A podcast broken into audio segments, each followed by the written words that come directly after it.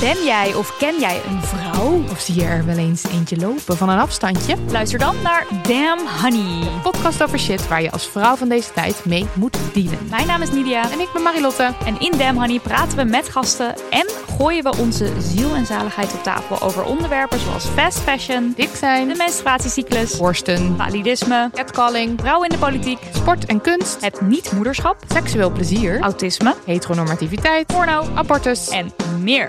Elke zaterdag in je podcastfeed.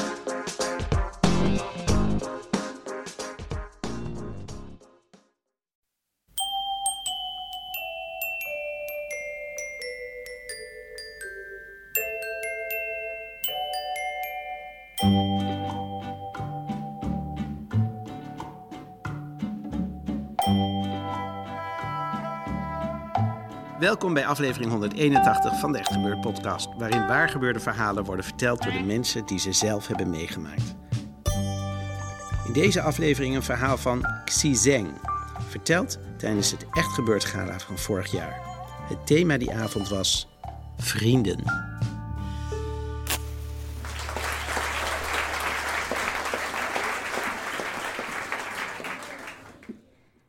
Mijn ouders ze zeggen vaker tegen me: 外国的月亮圆. De vertaling is: De maan van het buitenland is altijd ronder. In het Nederlands: Het gras van de beuren is altijd groener. Daarom stuurt mijn ouders me naar het buitenland. En per ongeluk ben ik beland in het Nederland. Het was 1996, toen ik 23 was. En eh, ja, toen hadden we geen Wikipedia of Google. Al mijn kennis van het buitenland komt uit Hollywood of Bollywood. Dus ik wist dat in de film altijd blauwe lucht, knappe mensen, chic winkels en met een einde happily together ever after. Zo kwam ik door de douane en eh, liep ik via de hal van Schiphol. En Schiphol was echt heel chic. Maar toen eh, ik kijk er even verder, dan zag ik twee mannen die plassen tegen de glazen muur. Dat heb ik de film mij niet verteld. Ik ging naar Delft en daar ging ik studeren. En eh, toen moest ik nog eerst het Nederlands doen, want ik kon geen, helemaal geen Nederlands. Dus eh, ik denk, ja, hoe kon ik me best integreren in de Nederlandse maatschappij?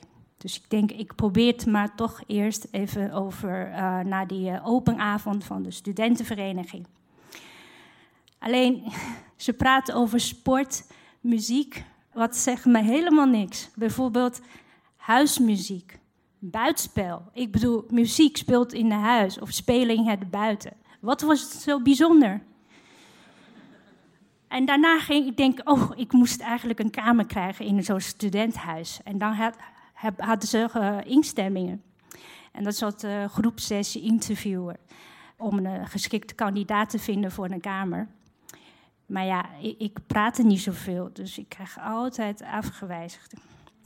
Maar gelukkig, ik kon gewoon elke week even inschrijven naar de woningkrant. Dus ik had wel een appartement gekregen.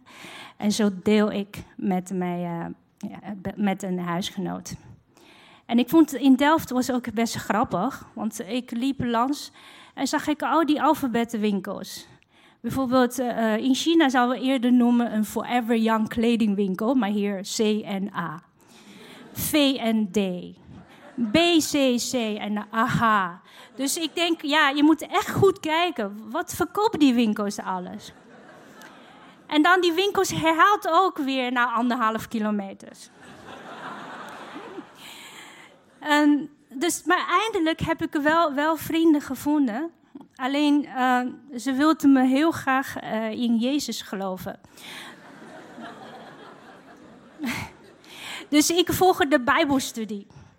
En na de Bijbelstudie mocht ik bij hun uh, verjaardagfeestje komen.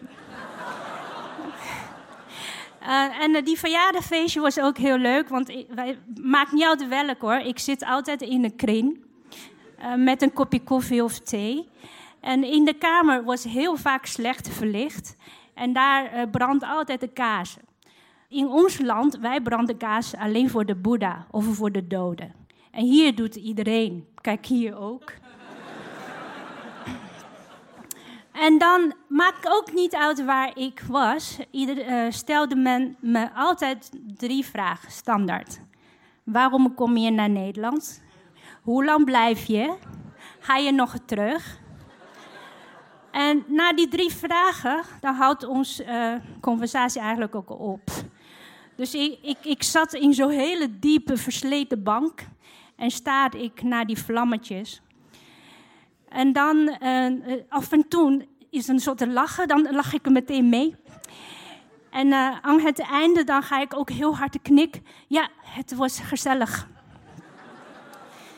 Dus langzamerhand ging ik niet meer zo uh, naar zo'n uh, cirkelvorming zitting. En na een tijdje daar nodigde me ook niemand meer me uit. dus mijn leven wordt ook heel simpel. Dus, dus tussen school en mijn huis. En twee weken in de week werkte ik in een afhaalrestaurant was één dag en uh, mijn huisgenote heeft een kennis meegenomen. Ze heet Sritoma. Dus ik vroeg aan haar, waar kom je vandaan? Indië. Wow, Indië, wat een coole land. En de Sritoma kijkt me heel erg vreemd. Zo, ja, waarom was je zo enthousiast? Maar ik moet even eerlijk zeggen, toen ik nog klein was, we krijgen alleen maar Bollywood film. Hè? was helemaal geen Hollywood er nog, want we hadden nog geen relatie met Amerika. Dus ik denk in mijn hoofd waren allemaal dansende vrouwen, mannen en goden, goeroes. Alleen van haar kan ik niet zoveel zien, behalve grote ogen, lange wimpers. En zij was echt een donker, stevige, zeker geen uh, blote buik. En uh, ook helemaal geen bling-bling sieraden. Met wel een piepkleine oorbellen op haar uh, dikke oorlellen. dus ik vroeg, ja, uh, waar in India? Calcutta. En wat studeer je hier? Dredging. Wat? Oh, baggersysteem ontwerpen. Eindelijk heeft ze me een antwoord meer dan één woord. Dat was onze eerste kennismaking. En dan uh, na een tijdje, was één dag later in de middag, belde Sri Toma plotseling me en vroeg of ik bij haar wilde eten. Wow. Ik zeg tegen mezelf, ja, waarom niet? Want ik zit thuis toch, niks te doen. Anders kijk ik er weer naar het klokhuis of slecht tijd, goede tijd. Want meer kon ik toch niet volgen. Dus ging, ga ik. En uh, Sri Thoma woont in een studentenflat, uh, net buiten het centrum van Delft. En naast een zo alfabetische winkelcentrum. en uh, toen ik er binnenkwam, Sri Thoma was echt bezig met te koken in haar keuken. En ik heb haar gezien. Zij, zij had een, een la, een zo'n la van kruiden. En er geen enkele kruiden kende ik. En de hele kamer ruikt naar exotische geuren. En de eten was verrassend lekker. Alleen, uh, dus we praten wel een beetje kofische koetjes. Uh, af en toe uh, viel de stiltes ertussenin. En na het eten zei Sritoma... Ik ga altijd een wandeling doen naar de eten. wil je mee? Ik zei... Um, het was winter. Helemaal donker. Buiten was koud en nat. Maar ja, wij, wij waren bijna uitgepraat, dus waarom niet? Dus ik volgde haar met mijn hand in mijn jas, zo een beetje. Dus we gingen wandelen in de donker. En er was bijna niemand in het winkelcentrum. En we liepen langs het winkelcentrum en ik zag alleen onze lange schaduw door de stadslicht. En plotseling viel een groot sneeuwvlok uit de lucht. En we kijken echt verbaasd aan die wit draaiende bloemen langs een viel op de grond. Want voor ons, um, onze steden hadden bijna geen winter. Dus het sneeuw is echt zo heel bijzonder. En ik zag ook Srito, maar uh, zij opende haar mond uh, probeer een sneeuwvlok, uh, sneeuwvlok te vangen. Maar het, het, ging heel makkelijk, want er waren zoveel. En ik doe haar gewoon na. En dat proefde fris en koud. Ja, echt lekker hoor. Lekker dan die ijs. En dan ging echt uh, opeens hinkelen, dansen en zingen. Zo blij waren we. En nadat we genoeg gespeeld hadden, uh, Sri Thoma vertelt me ik wil naar Noorderpool gaan, naar mij afstuderen. Ik zei, waarom Noorderpool? Dat is voor zo ver.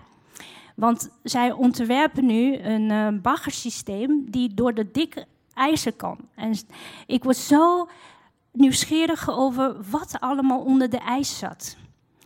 En ik zei, wauw, wat een gaaf idee. Want ik weet nog niet wat ik wil doen. Misschien iets combineren met techniek en kunst zo praten we door over onze toekomst, over onze kindertijd. En toen we thuis waren, was de, de gronden en de dak allemaal wit. En wij waren twee sneeuwpoppetjes geworden. En we konden echt niet stoppen met te lachen. En na die nacht gingen we heel vaak samen koken, studeren.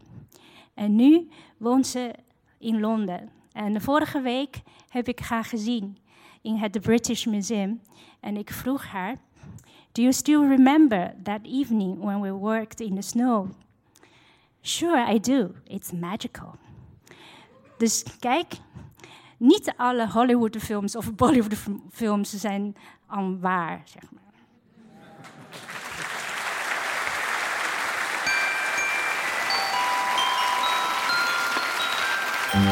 Dat was het verhaal van Xi Zeng, een Chinese verhalenverteller in Amsterdam.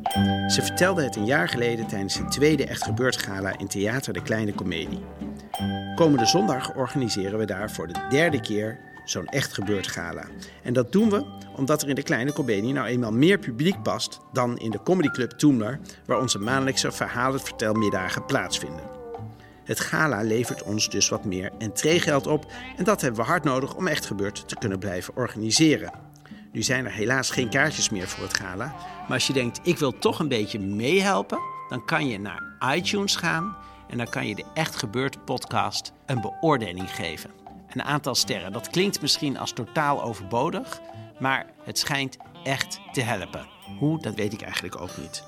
Je kunt ons trouwens ook financieel steunen.